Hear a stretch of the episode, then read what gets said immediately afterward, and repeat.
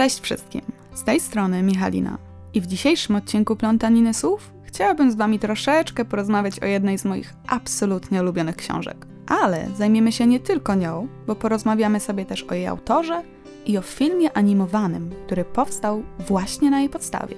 A książka, o której Wam dziś opowiem, nosi tytuł Koralina, a jej autorem jest nie kto inny jak Neil Gaiman. Autor ten ma na swoim koncie wiele książek. I to książek cieszących się ogromną popularnością na całym świecie. Do tego stopnia, że duża część jego twórczości została przeniesiona na ekrany kin.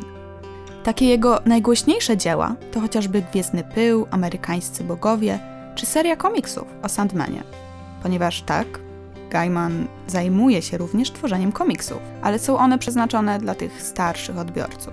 W przypadku niektórych z wymienionych przeze mnie przed chwilą książek, sytuacja wygląda tak, że Neil sam podjął się ich realizacji i miał swój wkład w tworzenie tych filmowych adaptacji, ponieważ oprócz tego, że jest on pisarzem, to zajmuje się również pisaniem scenariuszy.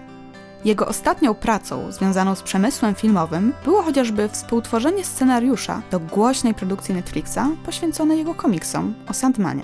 Ale pisał również scenariusze do takich seriali jak Lucifer, Doctor Who czy Dobry Omen.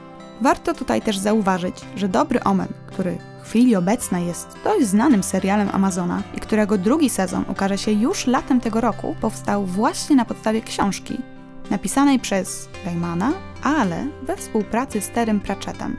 Dobrze, tak rozprawiam tu nad jego najgłośniejszymi pracami, a właściwie nie opowiedziałam Wam jeszcze najważniejszego, czyli jakie gatunki książek pisuje Gaiman.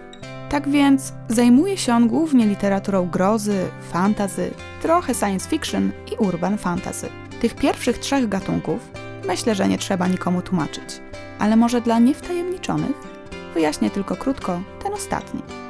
A więc urban fantasy to taki rodzaj fantazy, którego akcja rozgrywa się w realiach miejskich, czyli mamy do czynienia tam z wszystkimi podstawowymi elementami tworzącymi fantastykę, ale wszystko to przeniesione jest jakby do współczesnego miasta, gdzie magia styka się z technologią.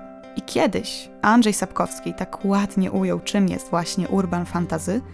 Powiedział on, że są to utwory, w których magia wkracza do betonowo-asfaltowo-neonowej dżungli naszych miast, a wraz z nią wkraczają mieszkańcy magicznych krain. I w wielkim skrócie to właśnie jest urban fantasy. A przykładem takiej literatury jest chociażby książka Dobry Omen, o której wcześniej Wam opowiadałam. Ale wracając jeszcze do tego, w jaki sposób pisze sam Gaiman. Tworzy on książki z elementami grozy, które trzymają czytelnika w napięciu i momentami, a wręcz bardzo często są one mocno niepokojące. Jego bohaterami zawsze są jednostki dość, mogłabym powiedzieć, nietuzinkowe, odstające od społeczeństwa, które swoim zachowaniem, ubiorem czy też poglądami wyróżniają się na tle innych. I moim zdaniem jednym z takich najciekawszych zabiegów literackich, jakie stosuje Gaiman, albo inaczej, może nie jest to zabieg literacki, ale pewna cecha charakterystyczna dla jego twórczości, to pisanie książek, gdzie narratorami albo też głównymi postaciami są dzieci w przedziale wiekowym powiedzmy od 7 do 11 lat. Pierwszą z nich był Ocean na końcu drogi, gdzie główną postacią jest siedmioletni chłopiec, a drugą była właśnie Koralina, gdzie nasza bohaterka miała, jeśli się nie mylę, 11 lat, a o której zaraz opowiem Wam coś więcej. Ale czy zabieg ten się sprawdza? Czy dziecięcy narratorzy w książkach dla dorosłych mają właściwie siłę przemicia? Myślę, że tak. I to nawet bardzo. Gaiman sam w sobie ma taką niezwykłą zdolność odczuwania głębiej i dostrzegania rzeczy dla innych niewidocznych. I właśnie dzieci też często widzą więcej niż dorośli i inaczej odbierają otaczającą ich rzeczywistość. Dlatego Neil, tworząc dziecięce postacie, tworzy magię jedyną w swoim rodzaju. Oprócz magii, w jego dziełach znajdziemy wiele elementów grozy, jak już wspominałam wcześniej, które wprowadza do niemal każdej swojej książki i które już stały się w pewien sposób jego elementem rozpoznawalnym. Ogólnie myślę, że warto również wspomnieć o tym, że Gaiman jest współcześnie uznawany za jednego z najlepszych pisarzy fantazy, a to już mówi samo za siebie o jego twórczości. Dobrze, przechodzę teraz płynnie do książki, o której chciałam z Wami przede wszystkim porozmawiać, a raczej do książki i do filmu animowanego, który powstał na jej podstawie. Tak więc Koralina. o czym właściwie jest ta niespełna stustronicowa książka. Bo tak, jest to naprawdę króciutka historia, ale warta uwagi. Opowiada ona o dziewczynce, która wraz z rodzicami przeprowadza się do nowego domu. Okolica, w której znajduje się dom, jest raczej spokojna, a wręcz powiedziałabym nudna. I po pewnym czasie Koralina nie wie już, co ze sobą zrobić. Dlatego rodzice powierzają jej misję policzenia wszystkich okien, drzwi i innych takich rzeczy w domu, aby na jakiś czas ją czymś zająć. Koralina postanawia więc jak najlepiej przyłożyć się do tego zadania i w ten oto sposób natrafia na małe, tajemnicze drzwi.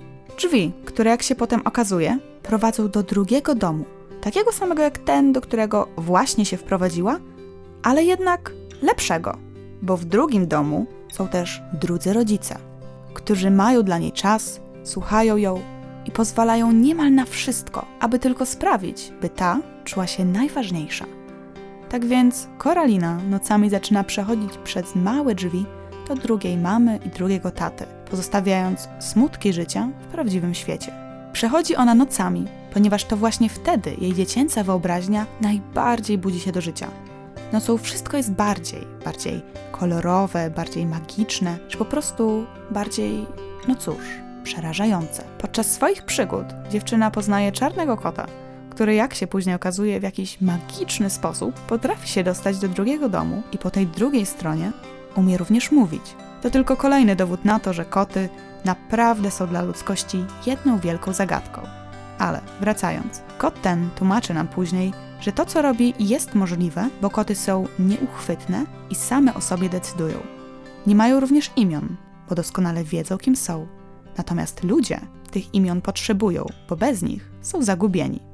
Drugi dom Koraliny to miejsce wyidealizowane, przepełnione wszystkim, czego dziewczynka nie może mieć w prawdziwym świecie, prawdziwymi rodzicami, ponieważ ci nigdy nie mają dla niej czasu, wiecznie zajęci pracą. Ten lepszy świat po drugiej stronie malutkich drzwiczek ma tylko jedną wadę. Wszystkie żywe istoty, które się tam znajdują, zamiast oczu mają guziki. I jeżeli Koralina pragnie tam pozostać na zawsze, musi pozwolić drugiej matce na przeszycie ich sobie. Ale dobrze, nie chcę Wam dalej zdradzać całej fabuły, dlatego porzucę jej streszczanie już w tym momencie, tylko opowiem Wam, dlaczego uważam, że jest to fascynująca i wciągająca lektura. Jest tak moim zdaniem, innymi dlatego, że czytamy tę opowieść właśnie z punktu widzenia dziecka. Dzięki temu, tak jak tytułowa bohaterka, widzimy więcej i też możemy przejść przez te małe zaczarowane drzwi, które są niedostępne dla jej prawdziwych rodziców których dorosłość obdarła już dziecięcej radości, ciekawości i wyobraźni. Dlatego krótka rada na dziś: nie pozbywajcie się swojego dziecięcego ja. Ale dobrze, wracając do tematu, Koralina to tak naprawdę opowieść nie tylko o sile wyobraźni, ale i o dorastaniu. Albo nie, nie tyle o dorastaniu, ale o tym, że w miarę jak dorastamy, stajemy się kowalami własnego losu. Gaiman w bardzo przewrotny sposób uzmysławia nam, że nie ma żadnej radości w tym, co zostaje nam podane na przysłowiowej złotej tacy. Czasem odrobina wysiłku pozwala później cieszyć się bardziej naszym osiągnięciem i daje nam dużo większą satysfakcję.